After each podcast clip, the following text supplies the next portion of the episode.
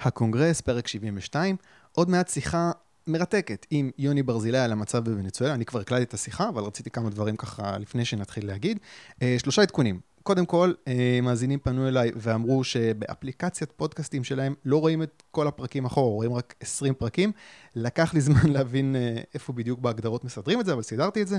אז מי שרוצה עכשיו לחפור בפרקים ישנים יותר, למשל, פרקים קלאסיים עם עומר מואב ועמוס דוב סילבר ותומר אביטל ורועי עידן, יהיה שני פרקים עם רועי עידן, עכשיו אפשר.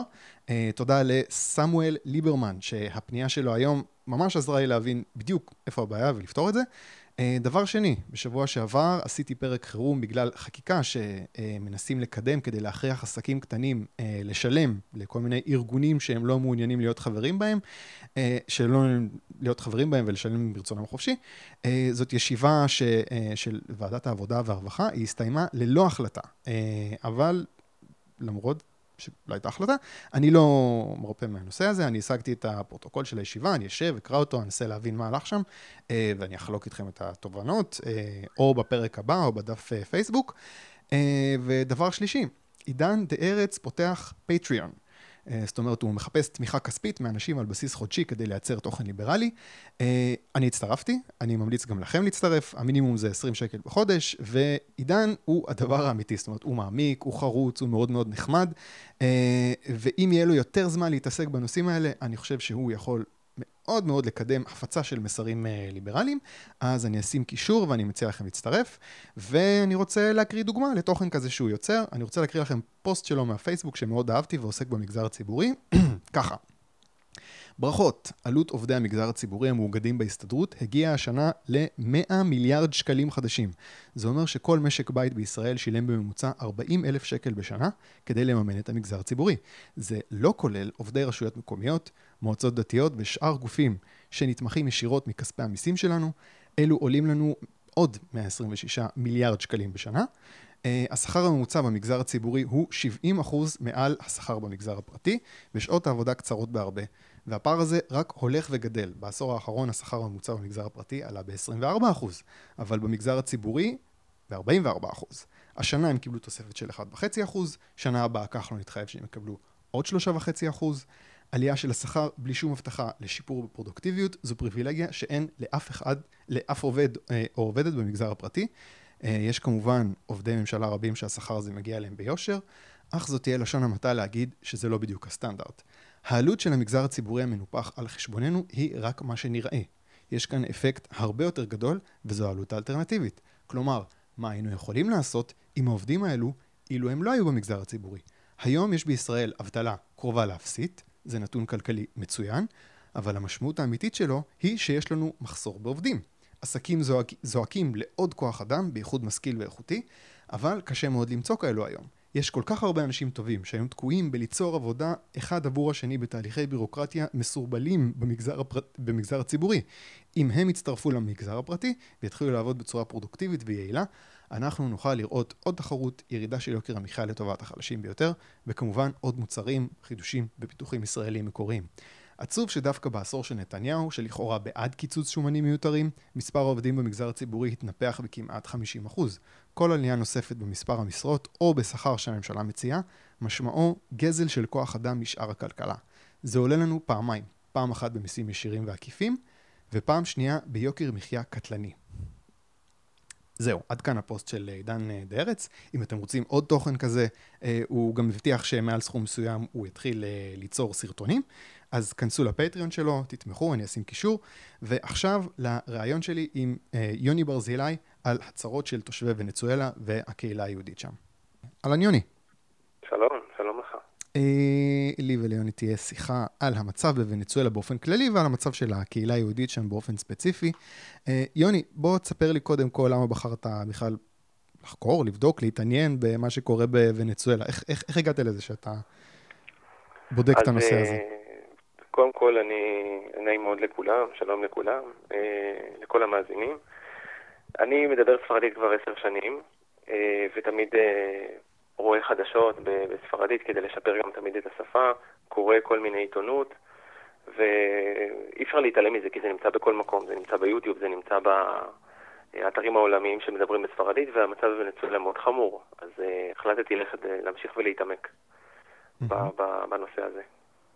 אוקיי, מה זה אומר להתעמק? זאת אומרת, אתה פשוט רואה חדשות? מה... אני רואה ואני קורא, ויש לי גם חברים מוונצואלה, ובכלל מדרום אמריקה. יש לי חברים מהרבה מקומות בדרום אמריקה, ואני גם בקשר עם, אה, עם יהודים וכולי, ואני שומע גם מגוף ראשון וגם מה, מהתקשורת. זה נראה לי, זה ממש, אתה יודע, מדי פעם מתעסקים בזה בתקשורת הישראלית, אבל מי שלא מדבר ספרדית, זאת אומרת, זה ממש, זה, זה עולם מקביל כזה, זה, זה, זה, זה, זה כאילו איזה אירוע חדשותי גדול כזה, שפשוט מי שלא יודע ספרדית נתקע בזה מדי פעם בקטע של ה... אה, אתה יודע, עכשיו חדשות מהעולם כזה, אבל ישראלים בגדול, זה לא, זה לא כל כך מעניין אותם. לגמרי. זה... לגמרי, לגמרי. בארץ, אה, מה שראיתי זה בערך שתי כתבות. הייתה כתבה בכאן שקצת אה, נותנת איזושהי טעימה. ממסעות של אה, ונצולנים שרוצים לחצות את הגבול ולהגר למדינות אחרות, אבל אף אחד לא, לא דיבר, אה, זאת אומרת, לא הראו את החיים בתוך ונצואלה של האנשים שכן צריכים ומאולצים להתמודד יום-יום עם הסיטואציות שלהם. אה, אז אוקיי, נגיע למה שקורה שם. הכותרת האחרונה ש... ש... שהגיעה, שאני אה, נתקלתי בה, אני לא מדבר ספרדית, אה, שנחשפתי אליה בנושא של ונצואלה, זה ממדי האינפלציה. אה, שהגיעו לטענת האופוזיציה שם לכחצי מיליון אחוזים בשנה האחרונה. התרגום זה אם לפני שנה לחם עלה נגיד חמישה שקלים, אז היום הוא עולה עשרים וחמישה אלף שקלים. בוא, כן. אינפלציה זה, כל, אינפלציה זה הבעיה? ב-488 אלף כרגע, נכון לעכשיו. כן. וה, לפי קרן המטבע העולמית, הצפי שלהם היה שהוא יגיע גם למיליון אחוזים.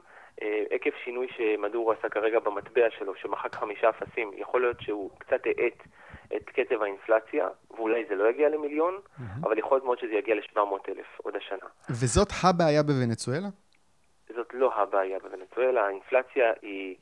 אה, תוצר ותוצאה של ההתנהלות של ונצואלה. להגיד שמדינה כל כך עשירה, שבה בוליבר היה שווה עשרה דולרים לפני עליית שבס לשלטון, אה, כרגע שווה, אה, כרגע דולר, דולר אחד שווה מיליוני בוליבר, להגיד שזה, אינפלציה זאת בעיה, אינפלציה זאת תוצאה. התוצאה היא, היא, היא של אותה התנהלות של הממשל. אתה צריך להבין שהמשבר, זאת אומרת, ש, שכרגע אנחנו רואים אותו, הוא תוצאה של הרבה הרבה אה, הוצאה ממשלתית. אוקיי. Okay. אוקיי? Okay? הממשלה בוונצואלה הייתה, אה, היה, היו לה המון הכנסות מנפט במהלך השנים, ובוא נניח שאני אתן לך את זה ב-2013, שבה מחירי הנפט ממש צנחו בעולם, ההכנסות התחילו לרדת, אבל מכיוון שהמדיניות של הממשלה היא נורא חברתית, בלשון מכובסת, הם בחרו אה, להמשיך ולממן ולהוציא את הוצאות הממשלה שלהם ולא לא לוותר על שום דבר. Mm-hmm. ואז הם התחילו להדפיס כסף. Mm-hmm. והדפסת כסף גרמה לירידת ערך. אתה יודע, וככה זה כמו כדור שלג, ממשיך וממשיך וממשיך כבר כמה שנים. רגע, בואו בוא נגיד רגע את הברור מאליו. אמרת שזו הייתה מדינה מאוד עשירה, אז ונצואלה, מי שלא יודע, היא יושבת על אה, רזרבות הנפט הגדולות בעולם, יותר מערב הסעודית. אה, ובאמת, בוא, בוא תספר לי על העושר שהיה שם עד לפני כמה שנים. סתם נניח, אני אגיד לך, העושר והחופש, אם אדם היה מוצא נפט בגינה שלו בוונצואלה, זה היה שייך לו. וואלה. אה, והיו שם המון מקרים שאנשים היו מוצאים נפט בחצר. אה, ואם אני אומר לך שהמטבע, כמו שאמרנו קודם, דולר אחד, אה, כאילו, מטבע בוליבר אחד שווה עשרה דולר, שזה מטורף, אין מטבעות כאלה. האיחוד האמירויות מחזיקים שתי דולר על דינר אחד, והם מחזיקים עשרה דולר על בוליבר. והחופש היה גדול, אנשים יכלו לסחור ולקנות ולייבא ולייצא, וכל העושר הזה בלבל נורא את המערכת כנראה, וגרם לאנשים להחליט לחלק אותו.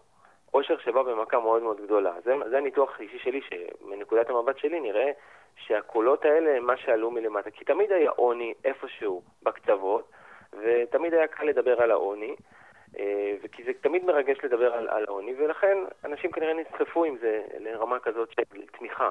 צריך לציין שה, שצ'אבס כשהוא עלה לשלטון עם זה, הוא עלה קודם כל בהפיכה צבאית, נעצר ונשפט, ולאחר מכן רק נבחר בבחירות דמוקרטיות, כי זה שכנע את הציבור שהוא אמביציוני ורוצה לשנות ממש. Mm-hmm. אז, אז כן, אז כן, אפשר להגיד שהוונצולנים איפשהו בחרו במדיניות הזאת באיזושהי תקופה. אוקיי, okay, לפני כמה חודשים אני, בוא, בוא נדבר רגע על מה, מה שקורה שם כרגע, אני נתקלתי בכתבה על uh, אימהות שלא מסוגלות להניק את התינוקות שלהן. זאת אומרת, מה ששם את התינוקות בסכנת חיים, uh, כי אי אפשר למצוא שם מזון לתינוקות, והתוצאה היא שתינוקות מתים מרעב. זה, קראתי את זה ואמרתי לעצמי, רגע, זו תופעה איזוטרית או שזה משהו משמעותי? זאת אומרת, מתים שם מרעב? זה קורה? כן, זה קורה בממדים עצומים. בואו אני אגיד לך... יש מספרים? יש מספרים, ברור, ואני אני, קודם כל, בואו בוא נדבר על מזון תינוקות, יש פה איזושהי התנהלות. Mm-hmm. מזון תינוקות בוונצואלה, יש לו רגולציה מאוד מאוד כבדה.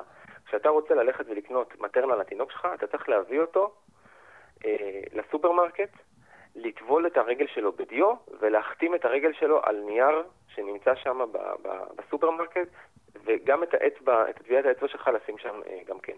למה? הסיבה שהם רוצים לדעת שהתינוק הזה קיבל את המנה המוקצבת לו, שהם החליטו אה, שהוא, שמגיע לו לחודש, למרות שיכול להיות שזה לא מספיק לחלק מהתינוקות, ופה מדובר באמת על אנשים שיש להם כסף. זאת אומרת, בוא נגיד 2-3 משכורות מינימום אה, רק לצורכי התינוק. נניח אם אני אומר לך שאתה צריך לשלם 3 אה, דולר לשבוע, והמשכורת היא 2 דולר, אז אתה צריך כמה וכמה פעמים, אתה צריך כמה משכורות מינימום בחודש רק בשביל המזון של התינוק שלך. זה לאנשים שיש להם את הכסף. Mm-hmm. ואז הממשלה בעצם מגבילה אותם. עכשיו, אם אני מבחוץ רוצה, נניח, לתת אה, מזון תינוקות לוונצואלה, אני צריך לתת אחד לממשלה ואחד לאזרחים. זה רק כדי לסבר את האוזן מעט, יש עוד הרבה רגולציות בנושא, אבל זה רק לסבר את האוזן שהמאזינים שלנו יבינו כמה הממשלה נכנסת עמוק עמוק עמוק לתוך המזון של התינוק של, של, שלנו. זאת אומרת, של אותו אה, בן אדם שרוצה. אני אה, חושב, אני חושב לעצמי, הממשלה עדיין, אה, עדיין, אני מניח, נכנס איזשהו סכום כסף, בכל זאת, מהנפט שהם כן מייצאים. אם תרשה, כן. לי, אם תרשה לי רגע, בעניין של, תינוקות, לגבי המספרים. כן. בשנת 2016, 10,500 תינוקות מתו, ו... 700 אימהות. זה בכללי ב-2016. עכשיו, אם אנחנו מדברים... במדינה על... של כמה אזרחים? אה, יש שם בערך 40 מיליון, אם אני לא טועה. אוקיי. אני לא זוכר מספר מדויק, אבל, אבל, בואו שנייה נהיה יותר מדויקים. אה, לגבי החוסר התזונתי, בממוצע מת תינוק אחד ביום בוונצואלה מחוסר תזונתי, שזה מספר שבמדינות אחרות הוא צריך להיות אפס. כי תינוקות יכולות, יכולים למות ממחלות, יכולים למות מבעיות אחרות, אבל למות מחוסר תזונתי זה לא סביר. יכול להיות שצריך להיות אפס נקודה משהו. אז זה אומר שבעצם או, או חוסר תזונתי או חוסר מענה רפואי, שזה גם נכלל, אבל זה בעצם אומר שאולי לא היה מומחה כלשהו, לא היה רופא שיכל לתת מענה, כי גם הרופאים היגרו, רוב הרופאים של ונצואלה היגרו לחו"ל. אז כרגע כמעט ואין רופאים מהמדינה. וואלה. אה, אז ככה שגם, לא רק רופאים, המון המון אנשי מקצוע ואנשים קצת מבוססים כבר לא נמצאים בוונצואלה כרגע. מי שנשאר שם זה בעיקר אנשים חלשים, מסכנים, וכמה מקצוענים שנשארו שאולי יש להם קצת יותר עבודה, או שמסיבות אחרות של משפחה ואילוצים נשארו בוונצואלה. אמ, התחלתי לשאול אותך, אני מניח שלממשלה בכל זאת יש הכנסות אה, מהנפט שהם כן מייצאים. מה הם עושים עם הכסף הזה? הייתי חושב כאילו שדבר ראשון, באמת, לתת אוכל, לקנות אוכל לתינוקות. זאת אומרת, זה... קודם כל הם עושים את זה, הם, הם קונים, אבל אתה יכול להבין שהם אה, צריכים למכור יותר נפט ולקבל הרבה פחות. יש להם גם מאגרי זהב שהם מנסים אה, לעשות את אותו דבר, ו, ו, ונוצר כאן איזשהו מינוס. עדיין הכסף שהממשלה מכניסה בחודש לא מספק אה, את ההוצאות שהיא יצרה לעצמה. Mm. ובחודשים האחרונים לא רק שהיא לא מצמצמת את ההוצאות, היא מרחיבה אותן בעשרות ומאות אחוזים, היא מלאימה מפעלים מאוד מאוד גדולים. עדיין יש עלמות של מפעלים? כן, השבוע, לפני שבועיים אה, עלה שכר המינימום מדולר אחד ל-30 דולר, שזה לחלוטין משוגע. Mm-hmm. אם אני אומר לך שהרוויחו דולר נקודה שתיים בחודש, ועכשיו מדור החליט שמעלים ל-30 דולר בחודש. אה, אז מה שזה יצר זה פשוט כאוס, אנשים התחילו לפטר מלא מלא מלא עובדים, ואז מדור אמר, אם אתם מפטרים, אז אני אקח את המפעל. אז הוא לקח את הקורפלקס, והוא לקח את החטיפי בריאות, והוא לקח את זה, והוא לקח... הוא התחיל לקחת מלא מלא ייצור, ואז הייצור יורד, כי מדור לא יודע לנהל את המפעל כמו המנכ"לים של המפעל. ואז הייצור יורד, ויש נוצר עוד פעם חוסר, והמשכורות גבוהות ממה, ש... שהעובד מייצר, והבור ממשיך ומעמיק. ולכן מה שוונצואלה מרוויחה, אה, הוא, לא, הוא לא יכול להספיק לכמות ההוצאות שלה. וואו.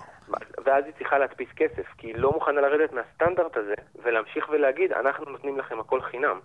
בריאות, חינוך, ולמרות שאין שום דבר כבר, הבתי חולים לא מתפקדים, אין שום בריאות, אין שום חינוך, ילדים מגיעים לבית ספר בלי כלום, בלי שום אפשרות לקנות שום ספרים או משהו.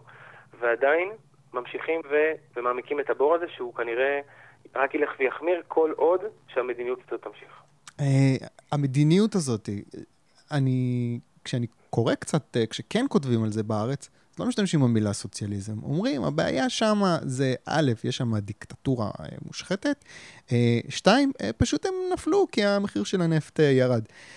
מה אתה אומר, יש פה איזה אלמנט דיקטטורי ש, ש, שגורם לזה? כמה הסוציאליזם זה, זה, זה חלק מהסיפור? אני אגיד לך, להפריד בין הדברים וכאילו להגיד שצד אחד זה סוציאליזם וצד שני זה, זה שחיתות, זה מוזר, כי בדרך כלל, כמו שאני רואה את התמונה, זה כאילו אותו, אותו, אותו דבר, אותה סיבה. הרי שלטון מושחת דיקטטורי לא יהיה מוכן לשוק חופשי. שוק חופשי לוקח את הכוח שלו ו- ומפזר אותו לתוך האזרחים ונותן להם איזושהי אפשרויות, איזשהן אפשרויות. כרגע האינטרס של מדורו זה לשמר את הכוח אצלו. ככל שיהיו בידיו יותר מפעלים ויותר משכורות בידיים והוא יהיה, יהיה בוס של כמה שיותר אנשים, יהיה לו יותר כוח עליהם. כשאני עכשיו משלם משכורות ל-20 מיליון איש, אני יכול להכתיב את השגרה של החיים שלהם. אם הייתי משלם משכורות רק ל-100 אלף, אז לא יכלתי להכתיב את שגרת חייהם של האזרחים. זה, הם היו נתונים בידי שוק חופשי. וזה ולכן, באמת, זה מה שקורה? הוא משלם משכורות. למיליוני אנשים? כן, אם הרי, הוא, אם הרי הוא מחזיק ברשותו מאות חברות גדולות, שכל חברה מעסיקה מאות או אלפי או מאות אלפי עובדים, אז הוא צריך לשלם בעצם את המשכורות דרך החברות האלה. Mm-hmm. אז כל מה ששייך למדינה, מקבלים איזשהו, איזשהו שכר. עכשיו, mm-hmm. ברור לנו שבעקבות, אנחנו, זה גם נתונים, אה, שבעקבות העלאת השכר הזאת, חצ, כמעט חצי מהעובדים שהיו עובדים אה, במגזר הפרטי פוטרו. אה, וגם החברות שהולאמו, לא הולאמו עם כל העובדים, כי, כי אתה לא יכול לשלם לכולם 30 דולר ביום אחד בעיר.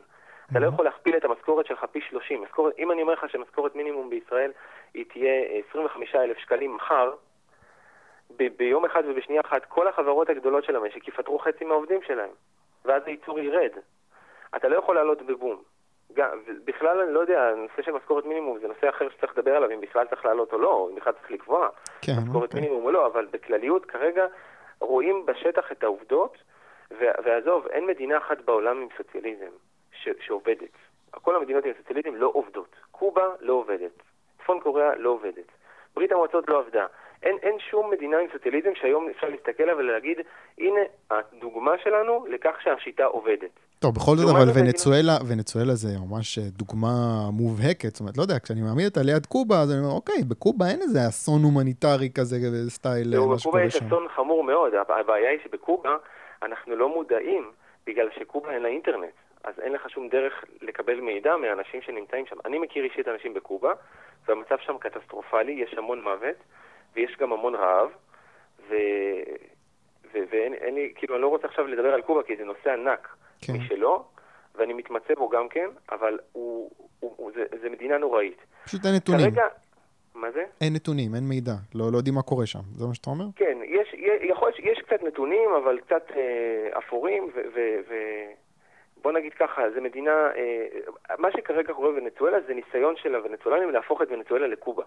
הם, הם הלכו לפידל קסטרו, אז כשצ'אבס הלך, הולך לפידל קסטרו וניסה ללמוד ממנו את ה, את ה, איך עושים קומוניזם כמו שצריך, והוא, והוא עשה צעד צעד בדיוק כמו שעשה פידל קסטרו. הם היו נפגשים קבוע, והוא היה מדריך אותו איך עושים את זה. והמפגשים היו לעיני הציבור גם, ולפעמים אה, איזה שהן שיחות משולשות מול כולם. זאת אומרת, זה משהו שהם יודעים. הוונצואלנים יודעים שהם אמורים להיות קובה. וזה מרתיע חלק מהציבור, אבל עדיין, אה, זה מה שקורה. זה, זה, וניקולס מדורו ממשיך את היוזמה הזאת, וככל שהוא רואה שהבור שלו מעמיק, הוא ממשיך ויוצא עם עוד יוזמה מטורפת אחרת שהולכת, אה, מש, משליכה את האנשים שלו לאבדון. ואתה יודע, באיזושהי נקודה זה מגיע לכזה, באיזשהו שלב זה מגיע לאיזשהו tipping point כזה, שכאילו, אוקיי, המצב כל כך גרוע, ש, שיש איזושהי מסה קריטית, לא יודע, של אנשים, של פקידים, של חיילים, שאומרים, אי אפשר להמשיך ככה. אתה חושב שוונצואלה קרובה לנקודה הזאת, או שכאילו זה יהיה הרבה יותר גרוע לפני שזה ישתפר? וואו, זו שאלה מאוד קשה, אבל אני, אני אענה לך. אה, קודם כל, הם נורא נאמנים אליו, בגלל שהמצב הזה שהוא יצא, המיליטרים, זאת אומרת, mm. אותם אנשי צבא ואנשי ממשלה, mm-hmm. שהם בערך, בוא נגיד ככה, 90% אה, מאנשי ונצואלה כרגע לפי נתון רשמי, אני חושב שזה של ה-BBC, אבל אני צריך לבדוק את זה, mm-hmm. 90% מאזרחי ונצואלה הם מתחת לקו העוני. עכשיו, זה לא קו העוני הישראלי, שבו מודדים באופן יחסי.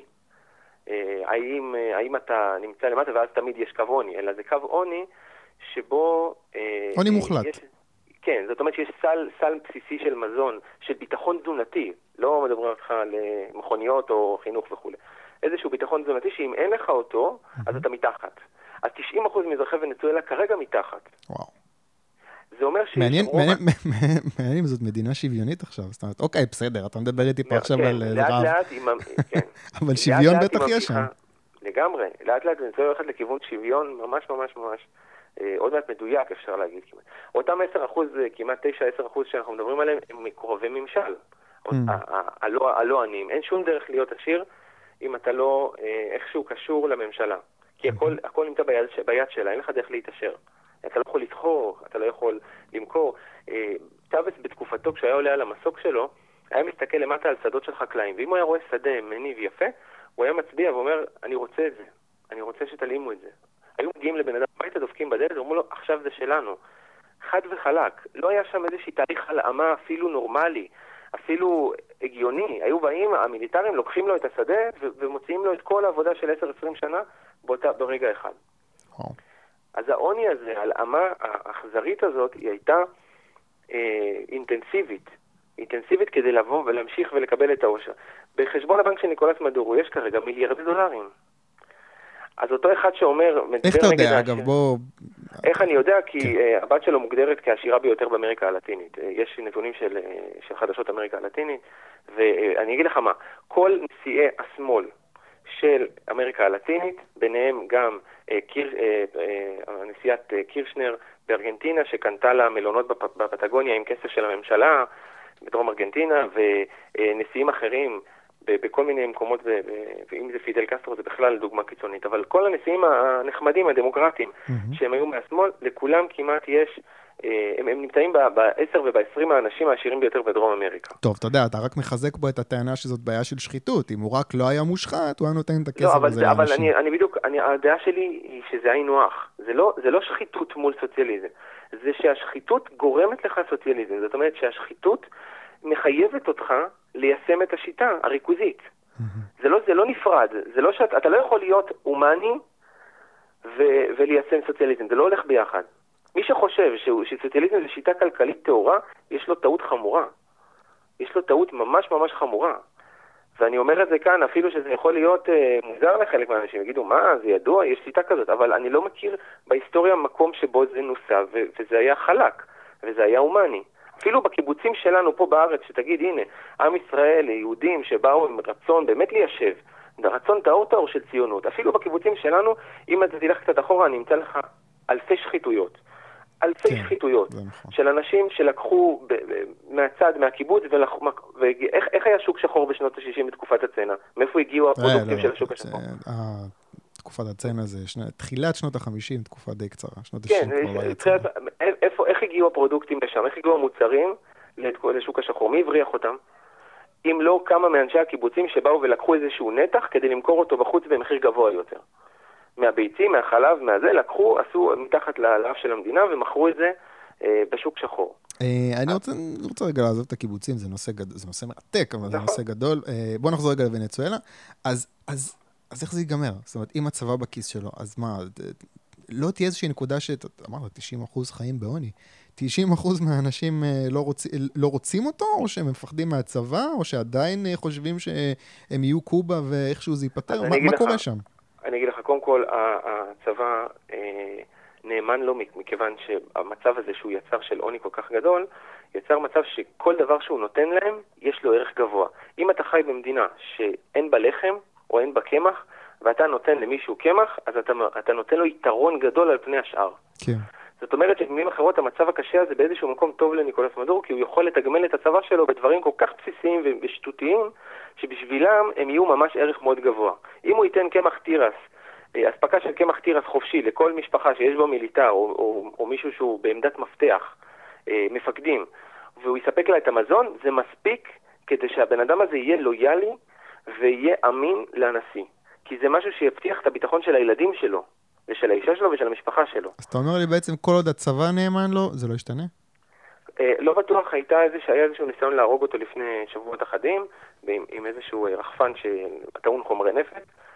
חלקם אומרים שהוא עשה את זה בכוונה כדי להראות שהוא לא מפחד מול המצלמות, כי הוא לא לא כזה ברח, mm-hmm. וחלקם אומרים ש, שזה באמת ניסיון ושלא הצליח, אבל אני שומע על איזה שהם התארגנויות והתקוממויות, צריך להבין שבהפגנות הוא מבקש לכוון לראש, אז זה יוצר אופן, באופן אוטומטי רתיעה מאוד גדולה, כי אנשים ממש נרצחים שם אה, בכמויות. הפגנה יכולה להסתיים ב-100 הרוגים, 50, כאילו, וואו, אין בעיה. באמת, זה, זה דברים כאלה קורים ואנחנו לא שומעים עליהם. זאת אומרת, דברים הייתי- כאלה קורים, את, אם, אם, תראה, אה, בוא נגיד ככה, בוונצואלה כל 20, כל 18 דקות בממוצע נרצח אדם. כמות הרציחות הגבוהה ביותר בעולם כרגע. חטיפות של אנשי עסקים, חטיפות של תיירים, בשביל לקבל רק 1,000-1,500 דולר. לא, לא מבקשים 100,000 דולר. חוט- חוטפים מישהו, מבקשים 2,000 דולר, משחררים, רק כדי לאכול. זה לא מדובר על, על אתה מבין, הרבה אנשים שהם לא עבריינים, הם הפכו להיות עבריינים. השוחד חוגג בכל משרדי הממשלה. יש מדינה עם כאוס. אם תיכנס לסופרמרקט בוונצואלה, ואפשר לרשום ביוטיוב ולראות את זה, יש אנשים שעושים, אה, תסתכלו אבל מ-2018, מדפים שלמים ריקים, שאין בהם שום דבר. אני מדבר על סופר שהוא פרטי למשל, יש עדיין כמה כאלה, וגם סופרים פרטיים לא מצליחים. אה, כאילו, יש כמה סופרים פרטיים שמצליחים להביא פרודוקטים במחירים שאף אחד לא יכול לשלם, ויש כאלה שהם סופרים של המדינה כמעט כבר אין בכלל דברים, אולי, אולי רק קמח, וגם בהגבלה, בטביעות אצבע, כן. וואו, אוקיי, אני רוצה עכשיו לדבר איתך על, ה, על המצב של הקהילה היהודית בוונצואלה. אה, טוב. קודם כל, אני, לא, עד שהכנתי את הפרק הזה, לא ידעתי שיש קהילה יהודית משמעותית בוונצואלה, מה, מה הגודל שלה? אה, תראה, אז בתקופת צ'אבס היו לנו שם 15,000 יהודים. אה, בעקבות אירועי האנטישמיות וההתבטאויות הקשות שלו נגד הקהילה היהודית ונגד היהודים בעולם, אה, החלו פוגרומים מאוד קשים, הושלכו רימונים לבתי כנסת, אה, שברו להם הכל, ריססו, תקפו, רדפו, ממש פוגרומים של, של שנים אה, שאנחנו לא מכירים, ואני, להפתעתי הסופר רבה, לא ראיתי יותר מדי אה, כתבות בישראל, יותר מדי סיפורים. לא, אני, אני, תשמע, אני, אני, אה, אוגו שאבז, בשנים לפני האסון הזה, אתה יודע, ש- הוא קיבל את התמיכה של שון פן ושל אה, מייקל מור כמובן, אבל גם בארץ של אה, דב חנין. נכון. זה מאוד מדהים. מצער לשמוע, מאוד מצער לשמוע שיש אנשים שיכולים לתמוך באדם כזה שהוא רוצח אנשים, ויש לנו עדויות שהוא רצח המון, מאות ואלפי, ועינה, יש גם עינויים, יש גם את המקבילה של הקג"ב שהיא נקראת סבין, משטרת סבין, שעד היום היא פועלת, ויש לה מרתפים, ו- ואני לא רוצה אפילו לתאר פה למאזינים שלנו מה, מה הם עוברים, כי זה נורא נורא נורא יהיה קשה, אה, התיאורים נורא יהיו קשים. וזה לא עינויים פיזיים, זה עינויים נורא מתוחכמים. אה, אבל, אבל זה נורא.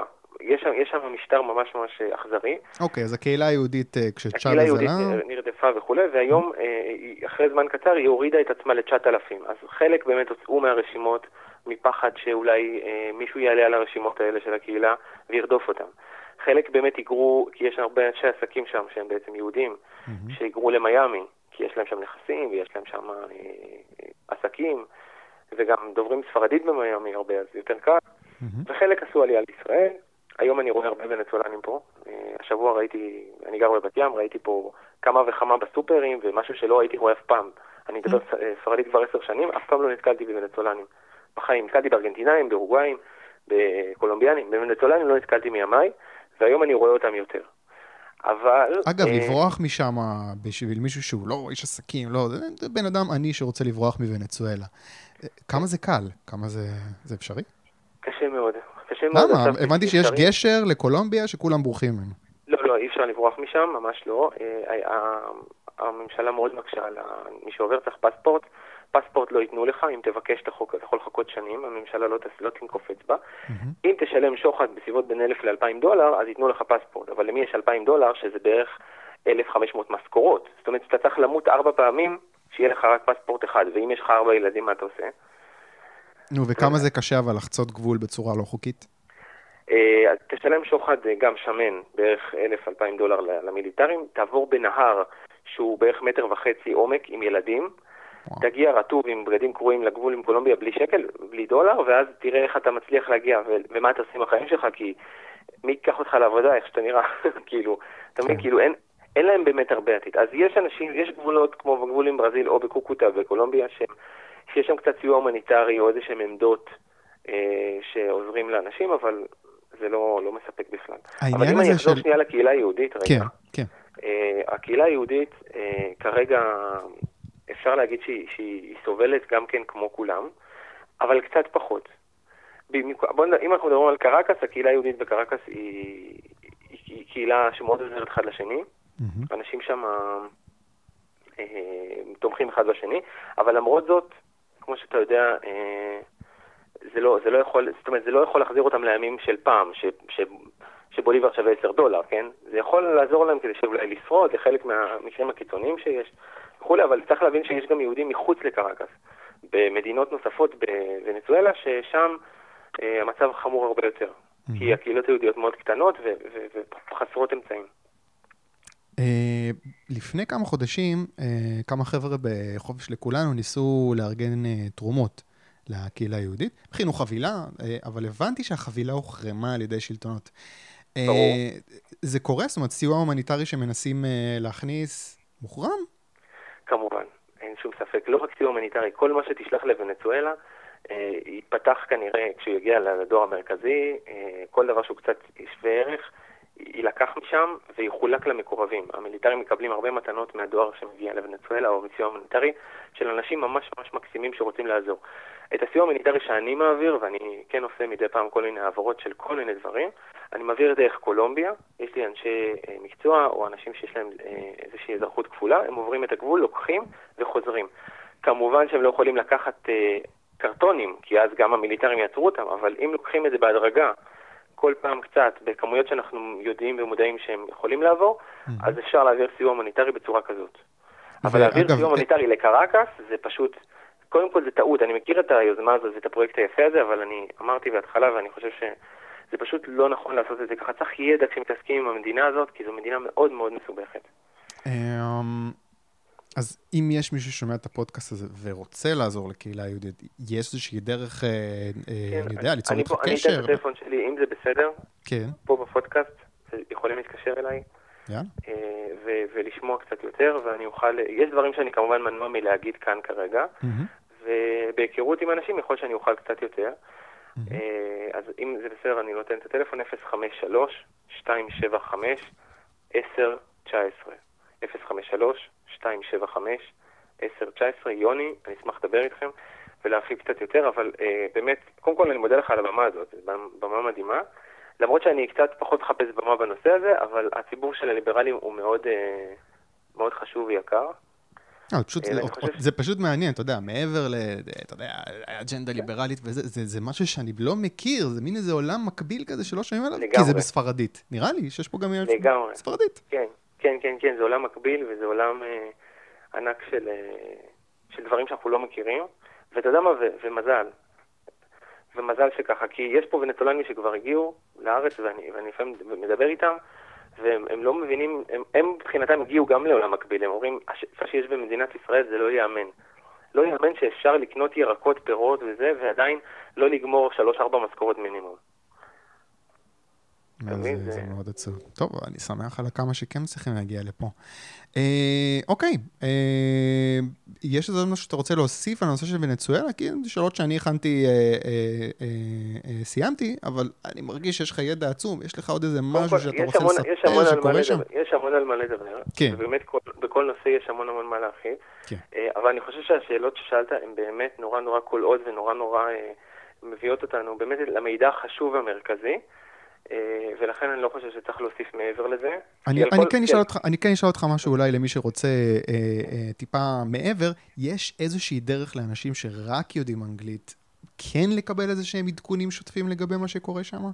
אה, אפשר להתעדכן בתקשורת העולמית, יש, יש אה, חדשות באנגלית. Mm-hmm. באתרים, אם אתה נכנס ואתה רושם ונצואלה, BBC או משהו כזה, CNN, אתה תשמע, אתה תשמע שם עדכונים, ובמיוחד אם מדובר על חוקים או דברים כאלה. Mm-hmm. אבל תראה, יש את החדשות, ויש, את, ויש לדבר עם האנשים שגרים שם. כן. ואמרו, ואמרו לי, ואומרים לי שתקשיב, היום שמו לי צ'יפ על הדלק של הרכב, והגבילו לי ל-200 ליטר בחודש. אז, אז זה גם עובר עם ההרגשה, זה גם עובר עם ההבנה של... אז, אז אין לזה תחליף. אתה מבין? אין תחליף לדבר עם מישהו, ש... עם אנשים שגרים ולשאול ולראות מה זה. אבל ברור... היית חושב שדלק יהיה. אז זהו, אז בדיוק בנושא, אתה יודע מה, אז אולי זה כן משהו ש, שצריך להרחיב עליו טיפה. אה, דלק, אה, היו כמה ונצולנים בגבולות, למשל, שהיו לוקחים קצת דלק ומצליחים להבריח אותו החוצה. מהמם. אולי עם שוחד, אולי איכשהו. עכשיו, הדלק נמכר בערך במחיר של פחות מהגורל. זאת אומרת, עם 30 שקל אפשר שמונה שנים, 30 שקלים אפשר שמונה שנים לנסוע ברכב עם טנקים מלאים כל חודש. מהמם. המחיר של הדלק הוא כל כך אפסי בוונצואלה, שהם הם, הם בעצמם יכולים למלא כמה שהם רוצים. אבל כשנוצר מצב שוונצואלנים לקחו דלק כל כך זול ויצאו לקולומביה ומכרו אותו, כי הוא מסובסד הרי הדלק, מכרו אותו במחירים אה, נורמליים, מהמם. של דולר לליטר, אז הם התעשרו מזה. כן. אבל יש כמה כאלה בודדים בגבולות שהצליחו איכשהו לעשות את המערך הזה, בעיקר עבריינים. אה, אנשים שעוסקים בסמים ובמסחר כל מיני. אז הממשלה ראתה שזה קורה, ופשוט החליטה שהיא עושה צ'יפ על כל הרכבים, פלוס טביעות אצבע לכל האנשים שיש להם רכב, ובכל תחנת דלק כרגע, בכל אזורי הגבול, ואנשים, ש... תושבים של כל מדינות הגבול, נאלצים לשים אצבע ולהיות מוקצבים ב-200 ליטר לחודש. את התוצאות של זה אנחנו עוד לא יודעים, כי זה התחיל רק ממש לפני שבוע, שבוע וחצי, אבל כנראה שמה שזה ייצור, זה קודם כל הם לא יוכלו, אף אחד לא יכול לנסוע לעיר הבירה, כי 200 ליטר זה רק הלוך, אה, במקרה הטוב, אה, ואז זה יוצר מצב שגם המסחר הקטן שהיה מלהביא דברים מסוימים מהנמל, מעיר הבירה, מים, כי אין להם ים הרבה מדינות, ואם היית רוצה להביא דגים למשל, כדי למכור, או לדוג ולחזור, או משהו כזה, גם כן כבר אי אפשר, אז זה יכול עוד יותר להחמיר את המצב של המדינות הרחוקות. זה כנראה גם יעשה את זה. אבל אנחנו נראה את התוצאות בהמשך. הרגולציה אה, היא, חמורה ביותר, והיא בממדים שאי אפשר להסביר, כאילו, מי שישמע את זה, אני חושב שאפילו סוציאליסטים כבר אה, יגידו שהגזמנו. כאילו, ישמעו את זה ויגידו, תקשיב, את, אתם ממש הגזימו שם בוונצואלה עם הרגולציה, זה כבר over, מעבר ל... עוד מעט ישימו צ'יפ על חמצן, כאילו, ככה זה נראה. כן, אתה יודע, זאת אני- ההרגשה, אני- ז- אני זאת קצת... התחושה שלי. אני קצת, לפעמים- אני באמת קצת נאיבי, ואני אומר לעצמי, בוא, איפה, אני רוצה לשמוע את דוב חנין שאומר, תשמעו, אני לפני כמה שנים תמכתי בצ'אבז, עזוב ולהתכחש לסוציאליזם, להגיד כזה משפט של, אבל מה שקורה עכשיו בוונצואלה זה בלתי נתפס. אה, וואלה, שיגיד אפילו משהו בסגנון, זה בושה וחרפה ש, שהם קוראים לזה סוציאליזם, אבל אפילו את זה אין, זאת אומרת, יש, יש שתיקה, פשוט. אבל אם לא קוראים לזה סוציאליזם, אז למה כן? אני כן, לא מבין. אה, אנחנו היינו כבר עם ארבע וחמש ושש, שישה, ארבעה, חמישה, שישה מקרים בעולם של סוציאליזם שנכשל, והם אמרו זה לא סוציאליזם. אז מה, אצל כולם זה לא? אז מה זה כן סוציאליזם? אם, אם זה לא רגולציה, אם זה לא פיקוח, אם זה לא חלוקת העושר, אז מה זה סוציאליזם? פה חילקו את העושר. את הוויכוח, את הוויכוח לא, הזה אבל פה לא... מחלקים את העושר, לוקחים את העושר, לוקחים את האפשרות לעושר בכלל. אין שום אופציה לעושר. כן. כן, כן. ומחלקים אותו בהוצאות של הממשלה, ועל הדרך נהנים כמה מקורבים, מה לעשות? למדורו יש מטוס אה, של אה, מיליוני דולרים, עם מסאז'ים בכיסאות וחימום, וחימום וקירור וג'קוזי, והעם שלו לא יכול אפילו להגיע לשתי כיכרות לחם בחודש למשפחה. כן, זה...